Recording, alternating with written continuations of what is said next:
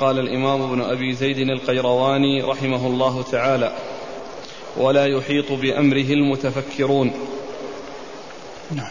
يعتبر المتفكرون بآياته ولا يتفكرون في ماهية ذاته.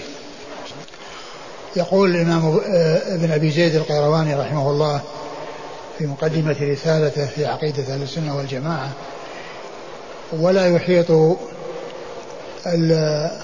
ولا يحيط ولا يحيط بأمره المتفكرون. ولا يحيط بأمره المتفكرون. آه ذكر الأمر هنا إما أن يراد به الأمر الكوني أو الأمر الشرعي.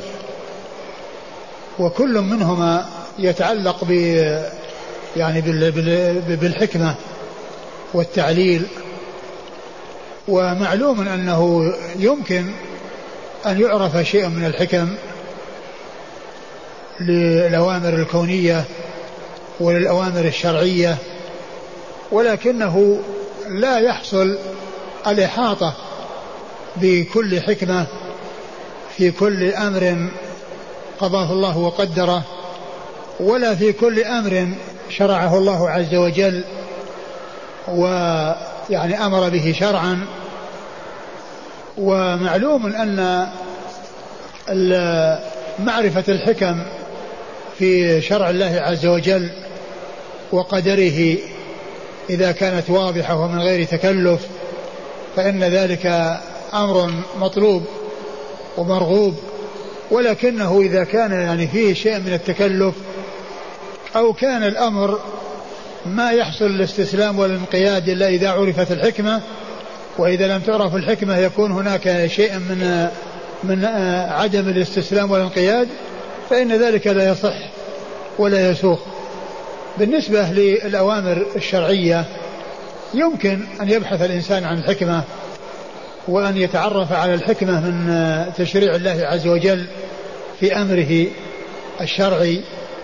فإن عرف الحكمة فيكون في ذلك زيادة ثبات ويقين وإن لم يصل إلى الحكمة فإن ذلك لا يثنيه عن أن يلتزم وأن يقوم بالشيء الذي أمره الله تعالى به وإن لم يعرف حكمته. ولهذا جاء عن عمر بن الخطاب رضي الله تعالى عنه وأرضاه لما جاء إلى الحجر الأسود وقبله قال إني أعلم أنك حجر لا تضر ولا تنفع ولولا أني رأيت رسول الله صلى الله عليه وسلم يقبلك ما قبلته. فالإنسان يستسلم وينقاد لما جاء عن الله وعن رسوله صلى الله عليه وسلم سواء عرف الحكمة أو لم يعرفها. ولكنه إن عرف الحكمة واتضحت له فإن ذلك يعني يكون خيرا على خير. وكذلك في آه، قضاء الله أو أمره القدري أو أمره الكوني لا شك أن كل شيء يقدره الله عز وجل فهو لحكمة ولحكمة هو يعلمها سبحانه وتعالى.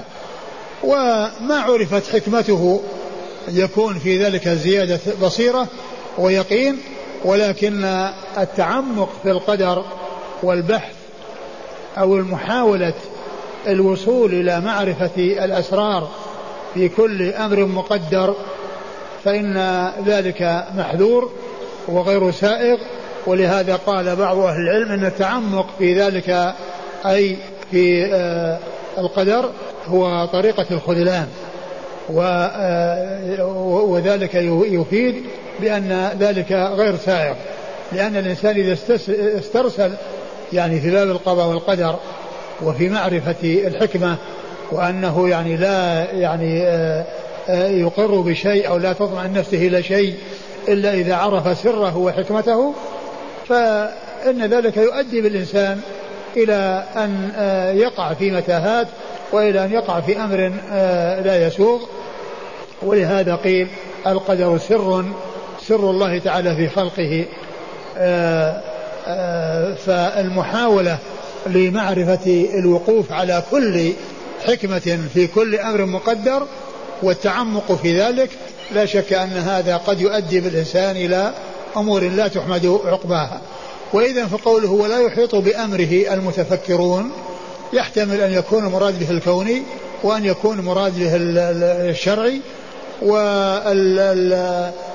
الحكمة إذا ظهرت من غير تكلف ومن غير تعمق ومن غير أن تكون آه، آه، الوصول إليها أو عدم الوصول إليها يعني سببا في عدم الاستسلام والانقياد إلا إذا عرفت الحكمة فإن ذلك لا يصح ولا يسوق. وإذا حصلت آه، معرفة الحكمة من غير تعمق ومن غير تكلف والإنسان يرضى بقضاء الله وقدره ويستسلم لقضاء الله وقدره عرف الحكمة وما عرفها وكذلك يستسلم وينقاد لأمر الله عز وجل الشرعي سواء عرف الحكمة أو لم يعرفها هذا هو الذي على الإنسان أن يكون عليه. ثم أنه ليس المقصود يعني الإحاطة بالأمر يعني معرفة الأحكام الشرعية لأنه قال المتفكرون لأن الذي نفي يعني في الإحاطة فيه هو ما يتعلق ما يحصل بالتفكر. وما يحصل بمعرفة الحكم والأسرار والعلل. وليس المقصود من ذلك يعني الإحاطة بالأحكام الشرعية ومعرفة الأحكام الشرعية آه وإنما المقصود يعني التعليل ومعرفة الحكم. وليس المقصود ذلك معرفة الأحكام. وكذلك أيضا يعني يمكن أن يقال آه يعني لا أحد يحيط بأمر الله يعني في الله عز وجل يعني سواء كان في ذاته أو في يعني علمه لا يحيط أحد به علما ولا يحيط أحد به رؤية بل الله عز وجل هو المحيط بكل شيء وهو المطلع على كل شيء وهو الذي لا يخفى عليه شيء وغيره لا يعلم إلا ما علمه الله عز وجل إياه ولا يطلع إلا على ما أطلعه عليه. نعم. يعتبر المتفكرون ثم بآياته. ثم إن الأمر كما أسلفت يكون كونيا ويكون شرعيا. الأمر يأتي لمعنى كوني ويأتي لمعنى شرعي ديني. فالكوني مثل إنما أمره إذا أراد شيئا أن يقول له كن فيكون. الكوني والشرعي مثل أن الله يأمر بالعدل والإحسان وإيتاء ذي القربى وينهى عن الفحشاء والمنكر. فالأمر يكون شرعيا ويكون كونيا ويكون شرعيا. والإرادة تكون شرعية كونية وتكون شرعية. والكلمات تكون شرعية وكونية والإذن يكون شرعيا وكونيا والتحريم يكون شرعيا وكونيا والكتابة. وقد ذكر ابن القيم رحمه الله في كتابه شفاء العليل بابا أورد فيه كلمات كثيرة تأتي لمعنى كوني ولمعنى شرعي وذكر أمثلة لمجيئها لمعنى كوني ولمعنى شرعي وهو الباب التاسع والعشرون من أبواب شفاء العليل. لأن شفاء العليل يشتمل على تسع ثلاثين بابا. ثلاثين بابا كلها في القضاء والقدر. والباب التاسع والعشرون هو في هذه الأمور التي أشرت إليها وهي الكلمات التي تأتي لمعنى كوني ولمعنى شرعي وذكر الأمثلة لهذا ولهذا أي المعنى الكوني والمعنى الشرعي. يعتبر المتفكرون بآياته. يعتبر المتفكرون في آياته ولا ولا يتفكرون في ماهية ولا ذاته. يتفكرون في ماهية ذاته. يتفكرون في آيات الله عز وجل الآيات الكونية والآيات الشرعية. يتفكرون فيها يتأملون ويستنبطون في يعني في ما يتعلق بالآيات الشرعية يعني يتأملون فيها ويتدبرون. ويتأملون ويتفكرون حتى يخرجوا بما اشتملت عليه من فوائد وما تشتمل عليه من حكم وما تشتمل عليه من أمور يعني آه، كثيرة عظيمة. و آه، وكذلك آياته الكونية آياته الكونية آياته في الكون مثل الليل والنهار والشمس والقمر ويعني آه، والسماوات والأرض. يعني يتفكر الناس فيها ويتأملون فيها فيما فيها من حكم وفيها ما فيها من أسرار. فالتفكر يكون في آيات الله ولكنه لا يكون في ذات الله. يتفكرون في ذات الله يعني إيش كيفيتها ما هي كيفيتها ليس لهم ذلك. لأن كما عرفنا في الدرس الماضي أن أن أهل السنة والجماعة يثبتون المعاني على ما تقتضيه اللغة ولكنهم لا يبحثون في الكيفيات ولا يشتغلون بالكيفيات لأن هذا من أمور الغيب. ولا شك أن صفات الله عز وجل لها كيفية في نفس الأمر واقع الله يعلمها ولكن الخلق لا يعلمونها فهم مفوضة في الكيف وغير مفوضة في المعنى. هم مثبتون للمعنى على حسب ما تقتضيه اللغة و والكيف آه لا يشتغلون فيه ولا يبحثون عنه.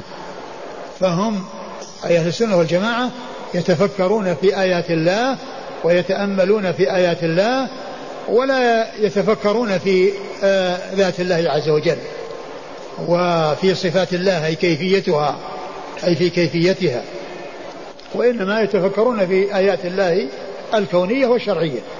الآيات الكونية يعني يعرفوا الحكم والأسرار وليعتبروا ويتعظوا والآيات الشرعية ليعرفوا ما اشتملت عليه من من من, من فوائد وما اشتملت عليه من من من, من يعني من, من علم ومن خير.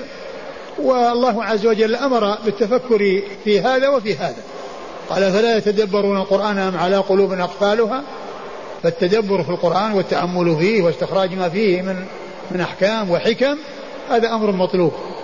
وكذلك الآيات الكونية التفكر فيها للاعتبار والاتعاظ أيضا مطلوب. كما قال الله عز وجل ان في خلق السماوات والأرض اختلاف الليل والنهار لآيات للألباب لاولي الالباب الذي يكون الله قياما وعلى يكون قياما و وقعودا. وقعودا وعلى جنوبهم ويتفكرون في خلق السماوات والأرض. ربنا ما خلقت هذا باطلا. فيتفكرون.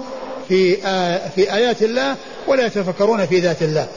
وقد جاء في حديث عن النبي صلى الله عليه وسلم أنه قال تفكروا في آلاء الله ولا تفكروا في الله. نعم.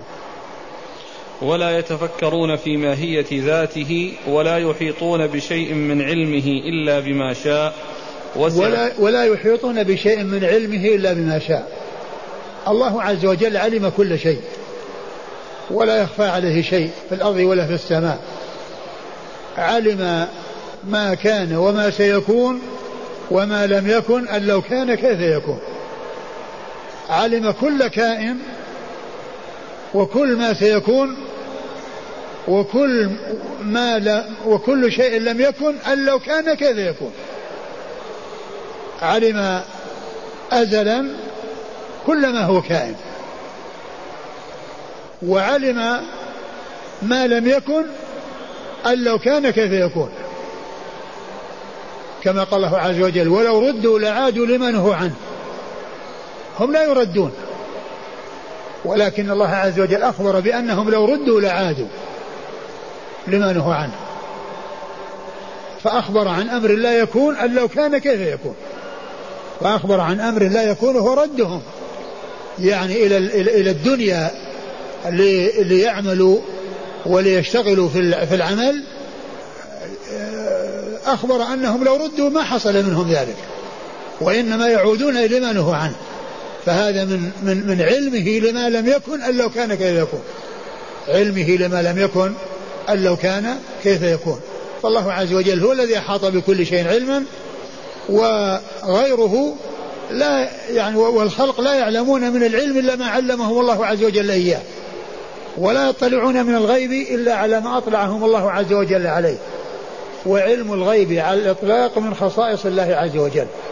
فهو الذي يعلم الغيب قل لا يعلم من في السماوات والأرض الغيب إلا الله. والله عز وجل أمر نبيه بأن يقول إنه لا يعلم الغيب. قل لا أقول لكم عندي خزائن الله ولا أعلم الغيب. وقال أخبر الله عنه أن, قال ولو كنت أعلم الغيب لاستكثرت من الخير. ولو كنت أعلم الغيب لاستكثرت من الخير وما مسني السوء. فرسول الله صلى الله عليه وسلم هو سيد البشر وهو سيد الخلق صلوات الله وسلامه وبركاته عليه لا يعلم كل غيب. وإنما كل غيب لا يعلمه إلا الله سبحانه وتعالى. والرسول عليه الصلاة والسلام يعلم من الغيب ما أطلعه الله عليه. ما أطلعه الله عليه يعلمه. وما لم يطلعه عليه فإنه لا يعلمه. ومما لم يطلعه عليه قيام الساعة. ومتى تقوم الساعة فإن هذا لا يعلمه إلا الله عز وجل. ولهذا جاء في حديث جبريل المشهور لما سأله لما سأله عن الساعة قال ما المسؤول عنها بأعلم من السائل. يعني متى تقوم الساعة؟ في أي سنة؟ في أي شهر؟ لا يعلم ذلك إلا الله. لكن في أي يوم؟ نعم تقول يوم الجمعة. لأنه ثبت عن رسول الله عليه الصلاة والسلام أنها تقوم يوم الجمعة. لكن من أي سنة ومن أي شهر الله تعالى هو الذي يعلم ذلك. والرسول صلى الله عليه وسلم لما سأله جبريل قال من مسؤول عنها من مسؤول عنها بيعلم من السائل. وعلى هذا فالرسول الكريم صلى الله عليه وسلم لا يجوز لأحد أن يغلو فيه ويقول أنه يعلم كل غيب. فإن علم الغيب على الإطلاق إنما هو من خصائص الله سبحانه وتعالى. قل لا يعلم من في السماوات والأرض الغيب إلا الله. هو الذي يعلم الغيب وغيره لا يعلم من الغيب إلا ما أطلع عليه. ومن المعلوم أنه قد جاء آه، نصوص كثيرة في الكتاب والسنة تدل على أن الرسول صلى الله عليه وسلم لا يطلع على كل غيب. ومن ذلك آه، فيما يتعلق بالدنيا وما يحصل في الدنيا الرسول صلى الله عليه وسلم حصل أن رميت أم المؤمنين بالإفك وما كان يعلم الحقيقة وما كان يعلم الواقع. وكان عليه الصلاة والسلام يأتي إلى إليها ويقول يا عائشة إن كنت ألممت بذنب فتوبي إلى الله واستغفري. إن كنت ألممت بذنب ولا يدري إيش الذي حصل. و والله تعالى هو الذي يعلم وقد أنزل براءتها في آيات تتلى في سورة النور. والرسول صلى الله عليه وسلم ما كان يعلم. وكان يأتي إليه ويقول يا عائشة إن كنت ألممت بذنب فتوبي الله واستغفر. لو كان يعلم الغيب بمجرد ما قيل وبمجرد ما أشيع يعني من, من, من, من الأمر المنكر والإفك يعني يقول أنا أعلم الغيب. أنا أعلم بأنها بريئة. وكذلك أيضا يعني في وقائع كثيرة منها أيضا آه، قصة آه، السفرة التي كانت فيها عائشة وقد فقدت عقدا لها وكانوا جلسوا يبحثون عنه. وجاء وقت الصلاة وليس عندهم ماء ونفد الماء فأنزل الله آية التيمم فتيمموا وصلوا. وكانوا جالسين يبحثون عن الوقت الذي ضاع لعائشة. ثم إنهم لما بحثوا عنه لم يجدوه وعزموا على الرحيل ولما قام الجمل الذي كانت تركب عليه عائشة وإذا العقد تحته. فلو كان عليه الصلاة والسلام يعلم الغيب لا أخبرهم بأن العقد في المكان الفلاني تحت الجمل وأنهم يأخذونه ويمشون. ولكنه لم يعلم ذلك ولم يطلع على ذلك عليه الصلاة والسلام. وكذلك أيضا فيما يتعلق في فيما بعد, موته عليه الصلاة والسلام جاء ما يدل على أنه لا يعلم بالشيء الذي يجري بعده ويحصل من أمته بعده صلى الله عليه وسلم.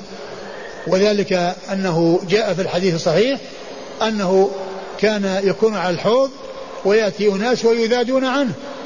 فيقال فأقول أصحابي. فيقال إنك لا تدري ما أحدثوا بعدك. إنك لا تدري ما أحدثوا بعدك.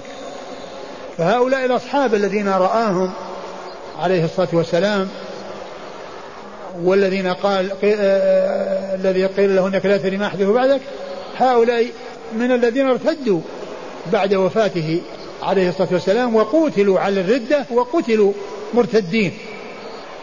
والذين والذين قاتلهم الصديق والجيوش المظفرة التي جهزها أبو بكر الصديق رضي الله عنه وأرضاه ارتد من ارتد من العرب وفيهم من آه، رأى النبي صلى الله عليه وسلم وصحبه و قتل على الردة. وهؤلاء هم الذين يدادون على الحوض وهم المراد بأصحابه. الذين يقول أصحابي. يعني الذين وقيل له إنك لا تدري ما حدث بعدك. فلو كان يعلم الغيب يعني في حياته وبعد وفاته صلى الله عليه وسلم لكان عرف عرف أن أن أنه حصل أنهم ارتدوا وأنهم آآ آه، آه، لا يردون الحوض لأنهم مرتدين وأنهم ما بقوا على صحبته صلى الله عليه وسلم. الحاصل أن علم الغيب على الإطلاق من خصائص الله عز وجل وهو الذي يعلم الغيب عالم الغيب والشهادة وهو الذي يعلم السر وأخفى وهو الذي يعلم ما كان وما سيكون وما لم يكن أن لو كان كيف يكون وغيره لا يطلع من من من العلم آه، آه، آه، إلا ما أطلعه الله عليه. لا يطلع يعني ولا يعلم من علم الغيب إلا ما أطلعه الله عليه. ولهذا فإن من الغلو في رسول الله صلى الله عليه وسلم الذي لا يسوغ ولا يجوز ما جاء في أبيات البوصيري فيما يتعلق بقوله فإن من فإن من فإن فإن من جودها الدنيا وضرتها ومن علومك علم اللوح والقلم. ومن علومك علم اللوح والقلم يعني ما في اللوح المحفوظ هو من علم النبي صلى الله عليه وسلم. يعني معناه أنه يعلم ما في اللوح المحفوظ. وهذا كلام باطل وكلام غير صحيح بل هو لا يعلم من الغيب إلا ما أطلعه الله عليه.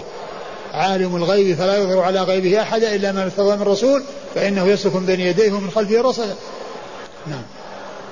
ولا يحيطون بشيء من علمه إلا بما شاء. وسع كرسيه السماوات والأرض. وسع كرسيه السماوات والأرض. الكرسي مخلوق من مخلوقات الله عز وجل. وهو غير العرش. وهو دون العرش وأقل من العرش. وقدره لا يعلمه إلا الله عز وجل. وجاء عن ابن عباس أنه موضع القدمين. وليس المقصود بالكرسي العلم وإنما المقصود بأنه مخلوق من مخلوقات الله عز وجل وأنه غير العرش. ويقول الطحاوي رحمه الله في عقيدة أهل السنة والجماعة والعرش والكرسي حق. والعرش والكرسي حق يعني كل منهما حق. يعني نؤمن بوجود هذا ووجود هذا. والكرسي الذي هو مخلوق من مخلوقات الله السماوات والأرضون ليست بشيء بالنسبة إليه. وهذا يدل على سعته وعلى عظمته. والعرش أعظم من ذلك وأكبر من ذلك. نعم. وسع كرسي السماوات والأرض. ولا, ولا يؤوده حفظهما. لا يؤوده يعني لا يعجزه ولا يشق عليه. وهذا نفي يعني يدل على إثبات كماله وهو القدرة والقوة. يعني لكمال قدرته. لا يؤوده حفظهما يعني حفظ السماوات والأرض ويعني آآ آآ وسع كرسي السماوات والأرض ولا يؤوده حفظهما يعني لا يشق عليه.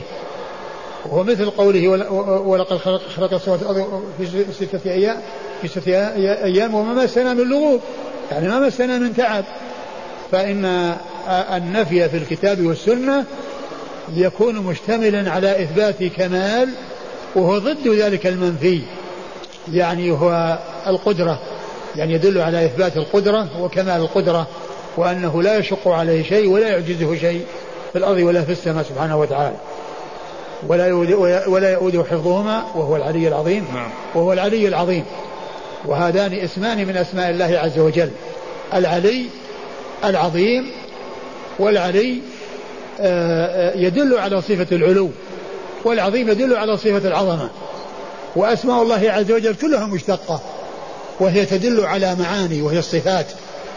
وليس في أسماء الله اسم جامد. وما قيل أو ذكره بعض أهل العلم من أن الدهر من أسماء الله هذا غير صحيح. فالدهر ليس من أسماء الله. والرسول صلى الله عليه وسلم لما قال يؤذيني من آدم يسب الدهر وأنا الدهر ليس المقصود بالدهر بقوله أنا الدهر يعني أنه اسم من أسماء الله. والمقصود من ذلك أن من سب الدهر فقد سب الله. لأن الدهر مقلب ومن سب المقلب رجعت مسبته إلى المقلب. لأن المقلب ليس متصرفا وليس فاعلا. وإنما المتصرف الفاعل هو الله سبحانه وتعالى. فمن سب الدهر وهو المقلب فإنما آه، يكون الحال والأمر أن مسبته ترجع إلى المقلب الذي هو الله. ولهذا قال في الحديث بيد الأمر أقلب الليل والنهار. بيد الأمر أقلب الليل والنهار. والليل والنهار هو الدهر. الزمان. فالزمان المقلب من سبه رجعت مسبته إلى الله عز وجل. يعني مثل مثل لو أن إنسان يعني رأى بنيان يعني معيب في كذا يروح يسبه ويعني يسب الجدار الذي هي يعني معيب مسبته ترجع إلى الذي بناه. المسبة ترجع إلى الذي بناه مو للجدار. لأن الجدار ما بنى نفسه وإنما بناه غيره. فمن سب المقلب الذي هو الدهر فرجعت مسبته إلى الله وإذا فليس الدهر من أسماء الله عز وجل. وهذا الأسماء الله عز وجل مثل العلي العظيم الخبير اللطيف العزيز الحكيم. إلى غير ذلك من أسماء الله سبحانه وتعالى وكل اسم يدل على صفة لأن أسماء الله عز وجل مشتقة ليس فيها اسم جامد والدهر اسم جامد الدهر اسم جامد ليس مشتق لا يدل على صفة السمع يدل على السمع والبصير يدل على البصر والحكيم يدل على الحكمة والخبير يدل على الخبرة واللطيف يدل على اللطف والعزيز يدل على العزة وهكذا أسماء الله عز وجل والرؤوف يدل على الرحمة الرأفة والرحيم يدل على الرحمة وهكذا والغني يدل على يعني الغنى. وهكذا كل اسم مشتق يدل على صفة. فأسماء الله عز وجل كلها مشتقة وليس فيها اسم جامد. والعلي العظيم اسمان من أسماء الله عز وجل. العلي, العلي يدل على صفة العلو والعظيم يدل على صفة العظمة. والعلو لله عز وجل ثابت من من من الوجوه من وجوه ثلاثة. فله علو القدر وله علو القهر وله علو الذات. أنواع العلو كلها ثابتة لله عز وجل. فعلو الذات هو فوق العرش. فهو علي بذاته فوق عرشه. ولهذا جاء عن كثير من أهل السنة وعن كثيرين من أهل السنة التصريح بأنه آه، فوق عرشه بذاته كما سيأتي عند ابن أبي زيد. وعلماء أهل السنة إنما صاروا إلى التعبير بكلمة بذاته من أجل إنكار الإنكار على الذين أنه أن العلو مجاز وليس بحقيقة. فصرحوا بما يفيد الحقيقة وينفي المجاز. فله علو علو القدر في النفوس وفي القلوب. كما قال الله كما قال الرسول صلى الله عليه وسلم في الحديث الصحيح ثلاث من كن فيه وجد بهن حلاوة الإيمان أن يكون الله ورسوله أحب إليه مما سواهم. أن يكون الله ورسوله أحب إليه مما سواهم. فقدره في النفوس ومحبته في النفوس تكون يعني آه، فوق كل شيء. فله علو القدر وله علو القهر. يعني آه، القاهر لعباده. وهو القاهر فوق عباده وهو الحكيم الخبير فله علو القدر وعلو القهر وعلو الذات. أنواع العلو الثلاثة كلها ثابتة لله عز وجل. والعظيم يعني يدل على صفة العظمة. واسم العلي يأتي في القرآن الكريم مقرونا مع اسم العظيم كما في آية الكرسي هذه وكما في آه، أول سورة الشورى ويأتي أيضا مقرون بالكبير العلي مع الكبير آه، وهو العلي الكبير إن الله كان عليا كبيرا ويأتي مع الحكيم كما في آخر سورة الشورى أنه علي حكيم.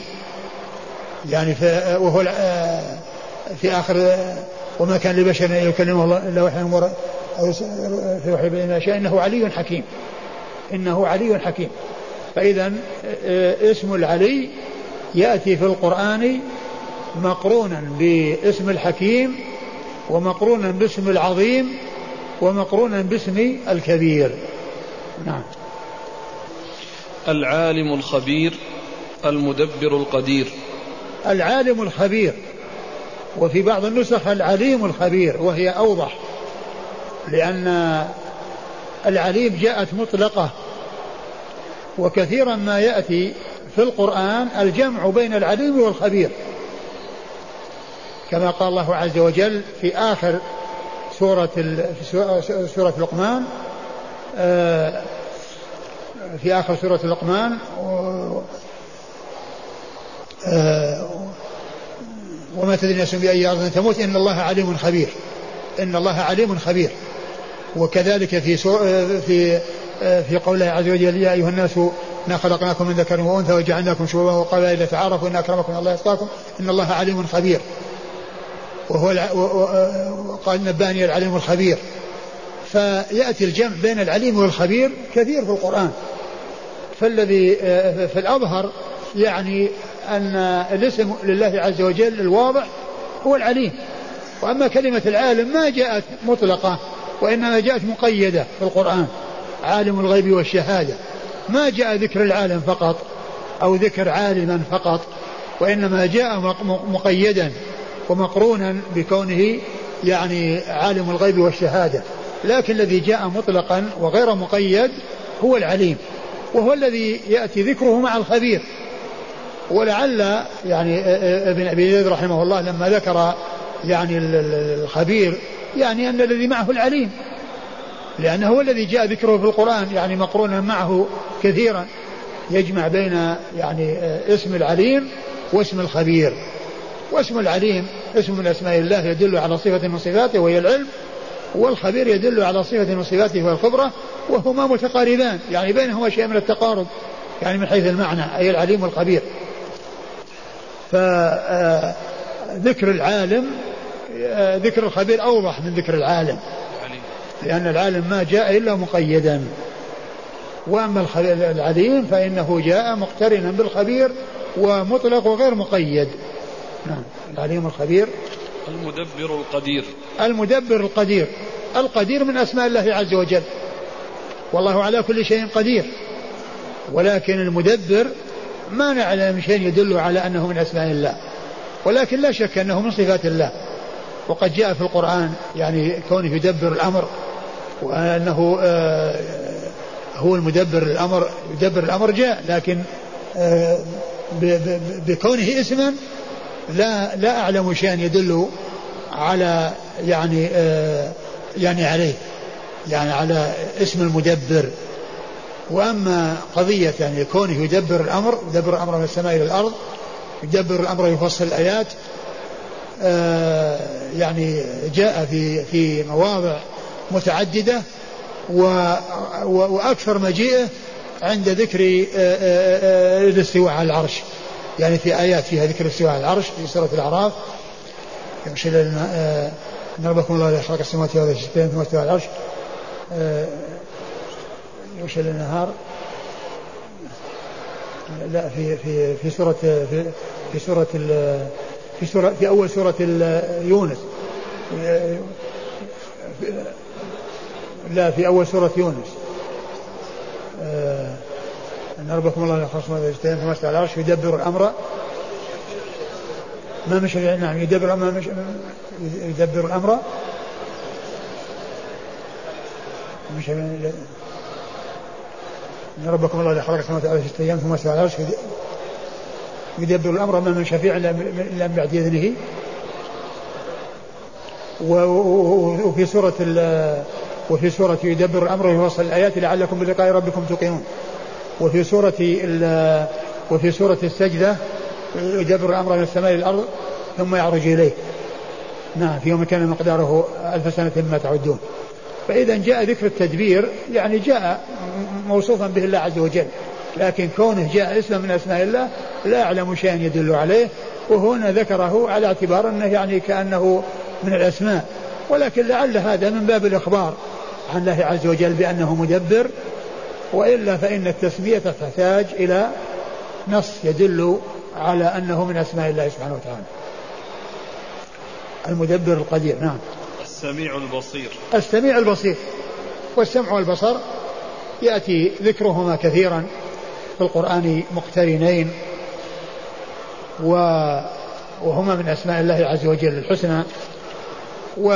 والسمع, والسمع يدل على السمع على صفة السمع والبصير يدل على صفة البصر. وقد جاء يعني آه، في القرآن في أول سورة المجادلة آه، يعني ذكر يعني هذه الصفة لله عز وجل يعني على صيغ مختلفة في الماضي والمضارع آه، قد سمع الله قال التي تجادلك في زوجها وتشتكي إلى الله والله يسمع تحاوركما إن الله سميع بصير. نعم. العلي الكبير.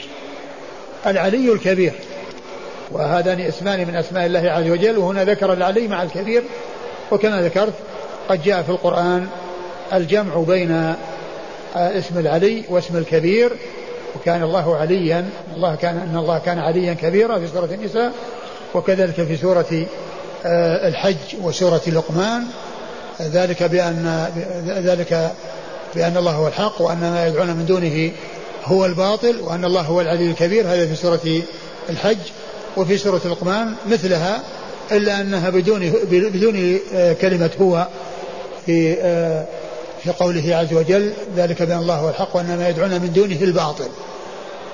من دونه الباطل. في في, في لقمان من دونه الباطل وفي سورة الحج من دونه هو الباطل بزيادة آه، كلمة هو. وفي آخرهما وهو العلي الكبير. وأنه فوق عرشه المجيد بذاته. وأنه فوق عرشه المجيد بذاته. يعني مرتفع عليه عال عليه فوقه بذاته. وكلمة بذاته هذه يعني نص عليها ابن أبي زيد لما وجد أناس يقولون أنه يعني فوق عرشه أنه مجاز وأنه ليس حقيقة. فأتى بكلمة ذات من أجل أن يبين أن العلو حقيقة وليس مجاز. فهي من أجل تأكيد الحقيقة ونفي المجاز. وقالوا ذلك لما جاء من يقول إنه ليس فوق عرشه حقيقة. مثل ما أن السلف لما ما كانوا يقولون القرآن غير مخلوق حتى جاء ناس يقول مخلوق. فلما قالوا مخلوق قالوا غير مخلوق. قالوا غير مخلوق. فقوله فوق عرشه المجيد بذاته يعني أن علوه على عرشه أنه علو حقيقي وليس بمجاز وأنه ليس علو مكانة في النفوس كما يقولون وإنما أنواع العلو الثلاثة كما أسلفت هي كلها ثابتة لله عز وجل. علو القدر وعلو القهر وعلو الذات. المجيد فوق عرشه. المجيد يعني صفة للعرش. العرش يعني موصوف بأنه مجيد يعني أنه عظيم وأنه ممجد نعم. وهو بكل مكان بعلمه. وهو في كل مكان بعلمه. يعني هذا نفي للحلول والاتحاد وأن ذات الله عز وجل يعني آه، حالة في المخلوقات. فالله عز وجل وجوده مباين لوجود المخلوقات.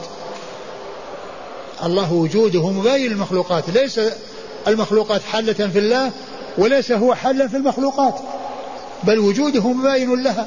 ولهذا جاء عنهم أنهم يقولون فوق عرشه بائن من خلقه يعني ليس مختلطا بالخلق وليس ممتزجا بالخلق وليس حلا بالخلق وليس متحدا مع الخلق كما يقولها الحلول والاتحاد.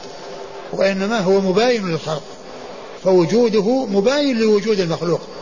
والله عز وجل كان وخلق المخلوقات ولما خلقها كان وجودها مباين لوجوده.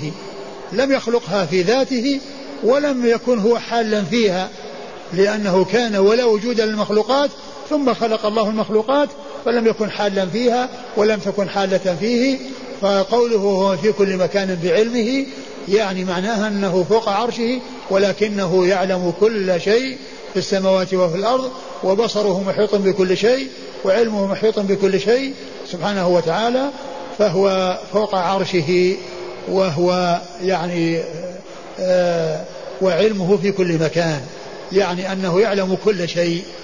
وقالوا هذا آه من أجل الابتعاد عن آه مذهب أهل الحلول والاتحاد الذين قالوا إن الله تعالى حال في المخلوقات وأن المخلوقات أنها هي يعني آه، آه، مظاهر الله تعالى حال فيها وأن من يعبد وأن من يعبد الأوثان إنما يعبد الله لأن الله تعالى حال في المخلوقات.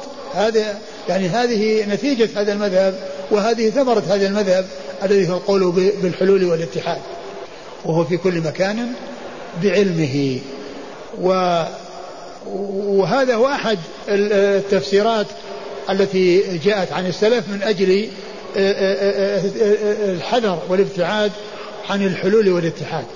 ومن أهل العلم من يقول إنه سبحانه وتعالى فوق عرشه حقيقة وهو معهم يعني مع خلقه ولكن يعني هذه المعية لا تقتضي المقارنة والامتزاج فهو فوق عرشه وهو معهم مثل ما يقال سرنا والقمر معنا مع أن القمر في السماء ولم ينزل إلى الأرض ويكون مع الناس فإذا هو فوق العرش وهو مع الناس. ولكن لا يعني ذلك أن تكون هذه المعية اختلاط وامتزاج والمخلوقات في عظمة الله عز وجل. وفي آه، آه، عظمته سبحانه وتعالى يعني مثل مثل الخردلة في كف الإنسان. والخردلة في كف الإنسان معلوم أن ما كان في داخل الخردلة فإن ما كان خارج الخردلة هو معها فالمعية لا تقتضي المقارنة والاختلاط وإنما هي في كل شيء بحسبه. في كل شيء بحسبه ومعية الله عز وجل. إما أن تفسر بالعلم كما ذكر ابن أبي سيد القيرواني وأن علمه في كل مكان أو أنه فوق عرشه ولكنه مع خلقه معية حقيقية ليس فيها امتزاج وذلك أن المخلوقات كلها كالخردلة ومعلوم أن الواحد منا إذا كان بيده خردلة فإن ما في داخل الخردلة هو معه وقريب منه. ولهذا يقولون إنه عال في دنوه وقريب في علوه. هو موصوف بأنه قريب وأنه عالي. فلا تنافي بين علوه وبين قربه. فهو قريب في علوه وعال في دنوه. نعم. خلق الإنسان ولهذا جاء هذه العبارة عن شيخ الإسلام ابن تيمية في العقيدة الواسطية. يعني أنه قريب في علوه وعال في دنوه. هو عال في دنوه وهو قريب في علوه. وقد قالها قبله أحد أئمة اللغة. في كتاب يقال له الملاحن أظنه للزجاج. في مقدمة الكتاب يعني الديباجة يعني يثني على الله عز وجل ويعظمه فيقول القريب في علوه العالي في دنوه. نعم. خلق الإنسان ويعلم ما توسوس به نفسه. خلق الإنسان ويعلم ما توسوس به نفسه وهو أقرب إليه من حبل الوريد. هذا ولقد خلقنا الإنسان ونعلم ما توسوس به نفسه ونحن أقرب إليه من حبل الوريد. فإن هذه الآية الكريمة تدل على يعني خلق الله عز وجل الإنسان وأنه يعلم ما في ما توسوس به نفسه و و و ونحن أقرب إليه من حبل الوريد. فسر بتفسيرين. أحدهما أنه بالعلم كما يعني آه، جاء عن ابن أبي زيد هنا وفسر بأنه قرب الملائكة. يعني آه، آه، ونحن أقرب إليه من حبل الوريد يوضح ذلك بعده إذ يتلقى المتلقيان عن اليمين وعن الشمال قعيد. إذ يتلقى المتلقيان يعني الملك الملكان. ففسر بأن المقصود بقوله نحن المقصود به الملائكة وفسر بأن قرب الله عز وجل بالعلم وليس بالذات وأن الذات حالة في المخلوقات. لأن القول بالحلول والاتحاد هذا مذهب باطل. ومذهب أهل السنة والجماعة ينافيه. ويعني يدل على بطلانه ويحذر منه. فإذا فإما يفسر بالعلم وهو الذي مشى عليه ابن أبي زيد القرواني يعني معناه أنه بعلمه أو يفسر بالملائكة وأن المقصود بذلك قرب الملائكة ويوضحه قوله بعده. إذ يتلقى المتلقيان عن اليمين, عن اليمين وعن الشمال قعيد. وقد جاء في القرآن ما يدل على إثبات آه، آه، يعني ال ال ال ذكر الضمير يعني يعني آه، يرجع إليه والمقصود به الملائكة. كما جاء في قول الله عز وجل فإذا قرأناه فاتبع قرآنه. لا تحرك به لسانك لتعجل به. إن علينا جمعه وقرآنه. فإذا قرأناه فاتبع قرآنه. الذي يقرأ جبريل وهو هو الذي يقرأ على الرسول صلى الله عليه وسلم. وهو جبريل هو الذي يقرأ. فإذا يعني أضاف يعني ذلك إليه لأن قراءة جبريل بأمره وبأمره سبحانه وتعالى. فإذا قرأناه يعني هنا الضمير في قرأناه يرجع إلى الله عز وجل ولكن الذي قرأ عليه هو جبريل وليس, وليس الله عز وجل. وليس ال هو سمع القرآن من جبريل. فإذا قرأناه لا تحرك به لسانك لتعجل به إن علينا جمع القرآن. فإذا قرأناه فاتبع القرآن. وكذلك ما جاء في قوم في قصة آه، الملائكة الذين جاءوا لإهلاك قوم لوط. فلما ذهب عن إبراهيم الروع وجاءت البشرى يجادلنا في قوم لوط. يجادلنا في قوم لوط. وإنما كان يجادل الملائكة. الذين الذين جاءوا إليه وقالوا إنا مهلك هذه القرية قال أن فيها لوطا قال نحن أعلم فيها. يعني فالمقصود مجادلة الملائكة وليست المجادلة لله عز وجل. وقد قال يجادلنا أي يجادل ملائكتنا. فيكون قوله نحن أقرب إليه من حبل الوريد هو من هذا القبيل. على أحد القولين عند السلف. وعلى القول الثاني الذي مشى عليه ابن أبي زيد هو أنها أنه بعلمه. وهو, وهو أقرب إليه يعني بعلمه لأن علمه في كل يعني محيط بكل شيء ومنتهى إلى كل شيء. ولا يعزب عن علمه شيء في الأرض ولا في السماء سبحانه وتعالى. وإيش خلق الإنسان ويعلم ما توسوس به نفسه وهو أقرب إليه من حبل الوريد. نعم. وما تسقط من ورقة إلا يعلمها ولا حبة في ظلمات الأرض ولا رطب ولا يابس إلا في كتاب مبين. ما تسقط من ورقة من شجرة إلا وهي داخلة في علم الله عز وجل. وإذا كانت هذه المخلوقات التي هي يعني غير مكلفة وهذه الحركة التي تحصل من انقطاع الورقة من الشجرة وسقوطها أنها معلومة لله عز وجل فإذا حركات العباد وحركات المخلوقين وسكناتهم هي داخلة في علم الله عز وجل من باب أولى. داخلة في علم الله عز وجل من باب أولى فإذا علمه محيط بكل شيء. وما تسقط من ورقة إلا يعلمها ولا حبة في ظلمات الأرض ولا رطب ولا يابس إلا في كتاب مبين. كل ذلك معلوم لله عز وجل وكل ذلك مكتوب. يعني آه، قدره الله وقضاه. كل ما يقع في الوجود من حركة أو سكون فهي بقضاء الله وقدره. ما شاء الله كان وما لم يشاء لم يكن. ما شاء الله كان وما لم يشاء لم يكن. وسيأتي الكلام في القدر ومراتب القدر ويعني آه وأنه آه لا بد من الإيمان بها كلها ويعني ومنها العلم من مراتب القدر العلم العلم الأزلي المحيط بكل شيء الذي آه لا يخرج عنه شيء والذي هو شامل ومستوعب لكل شيء. يشير إلى اللوح كتاب مبين. نعم اللوح المحفوظ. على العرش استوى وعلى الملك احتوى. على العرش استوى. يعني آه، كما جاء في القرآن الرحمن العرش استوى. والاستواء هنا هو كما جاء عن الإمام مالك. الاستواء معلوم. يعني من حيث اللغة لأنه الارتفاع. الاستواء على شيء الارتفاع عليه. الاستواء في اللغة الاستواء على شيء الارتفاع عليه. لتستووا على ظهوره. لتستووا على ظهوره يعني على ظهوره يعني هذه المخلوقات. يعني لأنكم ترتفعون عليها وتعلون عليها.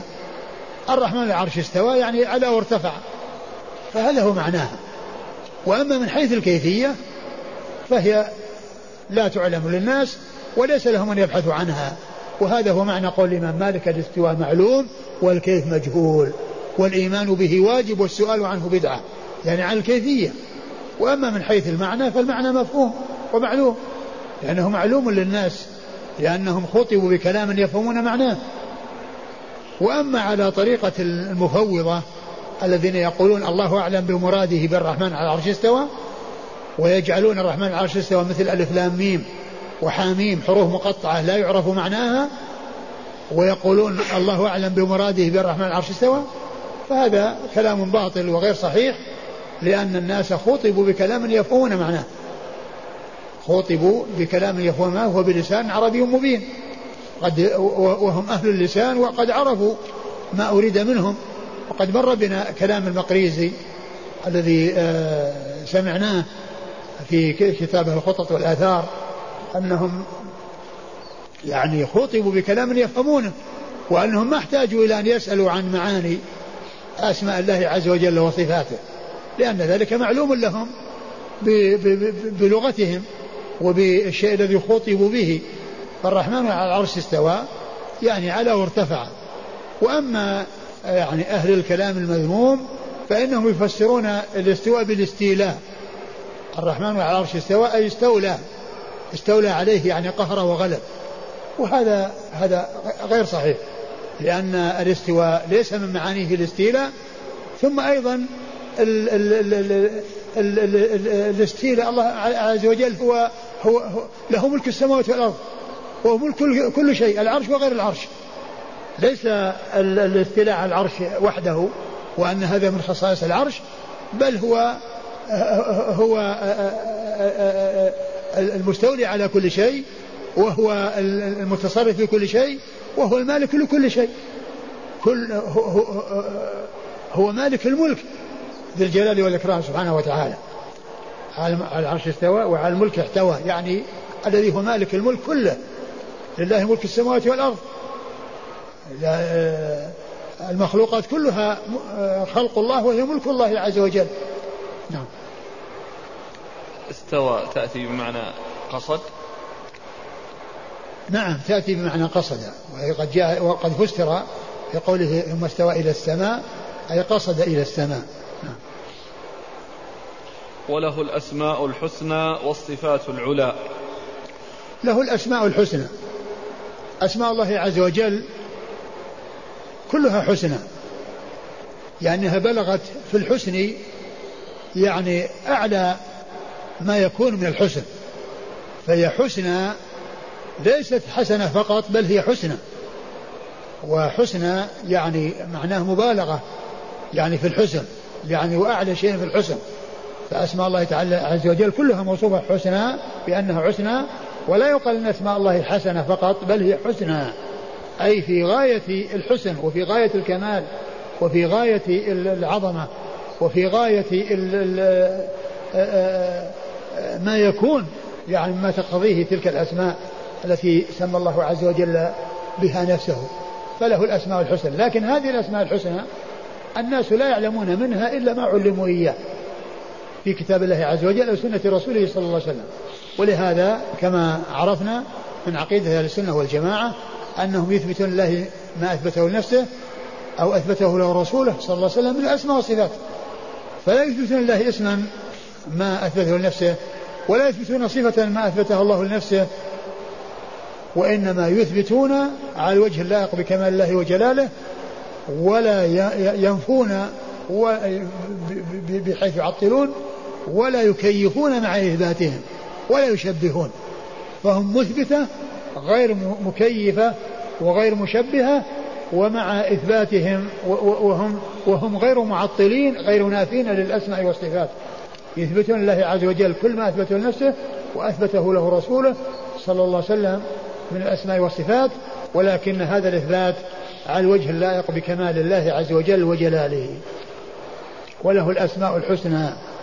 وهذه الأسماء منها ما أطلع الله تعالى العباد عليه ومنها ما استأثر الله تعالى بعلمه كما جاء في الحديث اللهم إني أسألك بكل اسم هو لك سميت به نفسك وأنزلته في كتابك وعلمته احد من خلقك أو استأثرت به في علم الغيب عندك.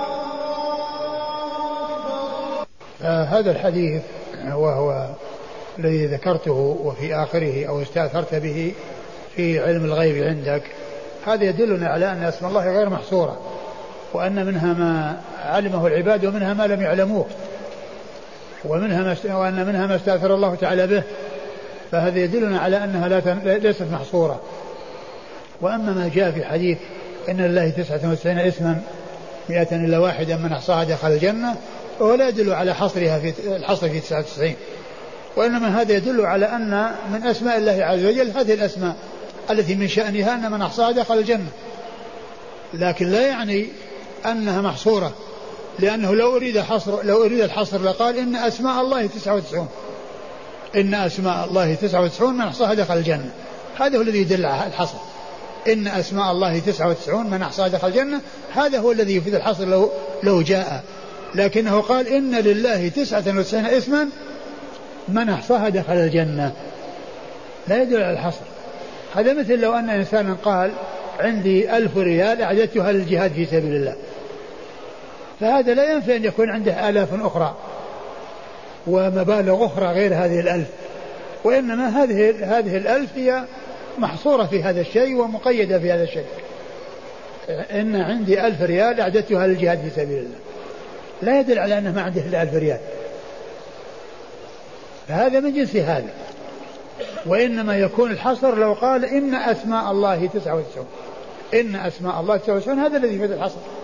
لكن الحديث الذي أشرت إليه آنفا يدل على أنها غير محصورة وأن منها ما علمه العباد ومنها ما لم يعلموه وأن الله تعالى قد استأثر بعلمه. نعم. وله الأسماء الحسنى. والصفات العلى. والصفات العلى يعني التي هي يعني بلغت في العلو والكمال يعني النهاية. و الله عز وجل له أسماء وله صفات. له أسماء وهي أعلام على الذات وله صفات اتصفت بها الذات.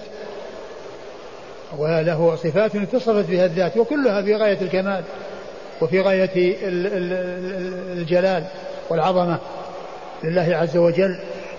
ف والصفات والأسماء كما عرفنا كلها من باب واحد. تثبت الأسماء والصفات كما جاء ما جاء منها في الكتاب والسنة يثبت ولا يثبت إلا ما جاء عن الله وعن رسوله صلوات الله وسلامه وبركاته عليه. هاي شيخ. نعم.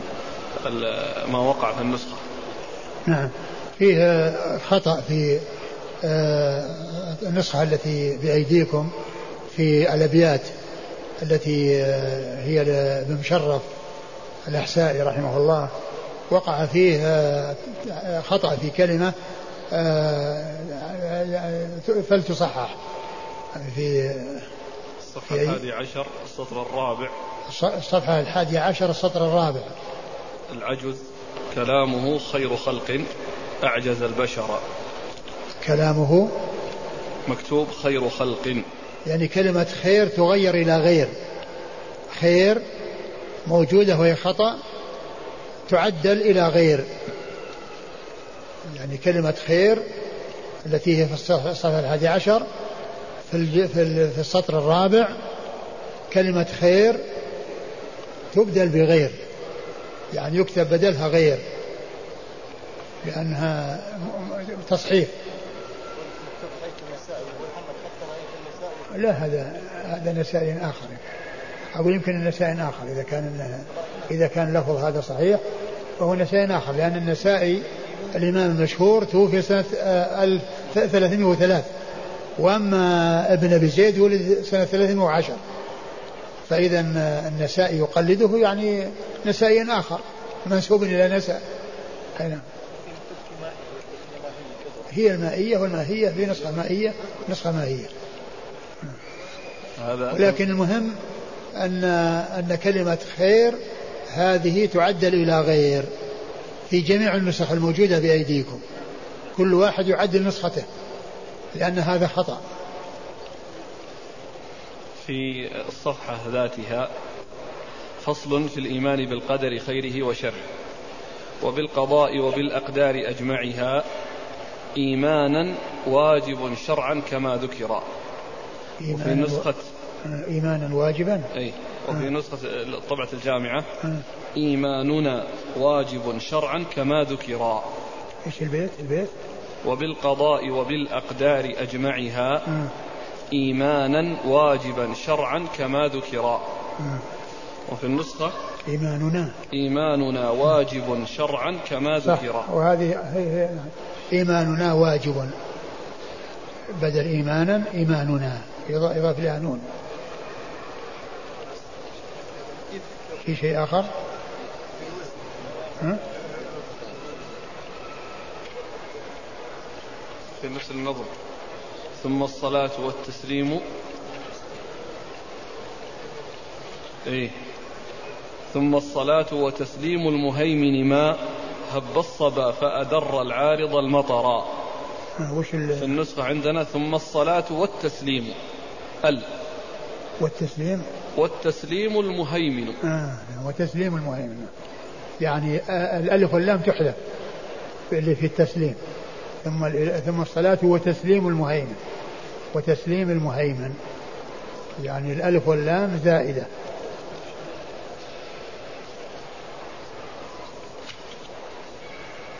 المطر كمان ناقصة. ما في آخره هب في نفس البيت.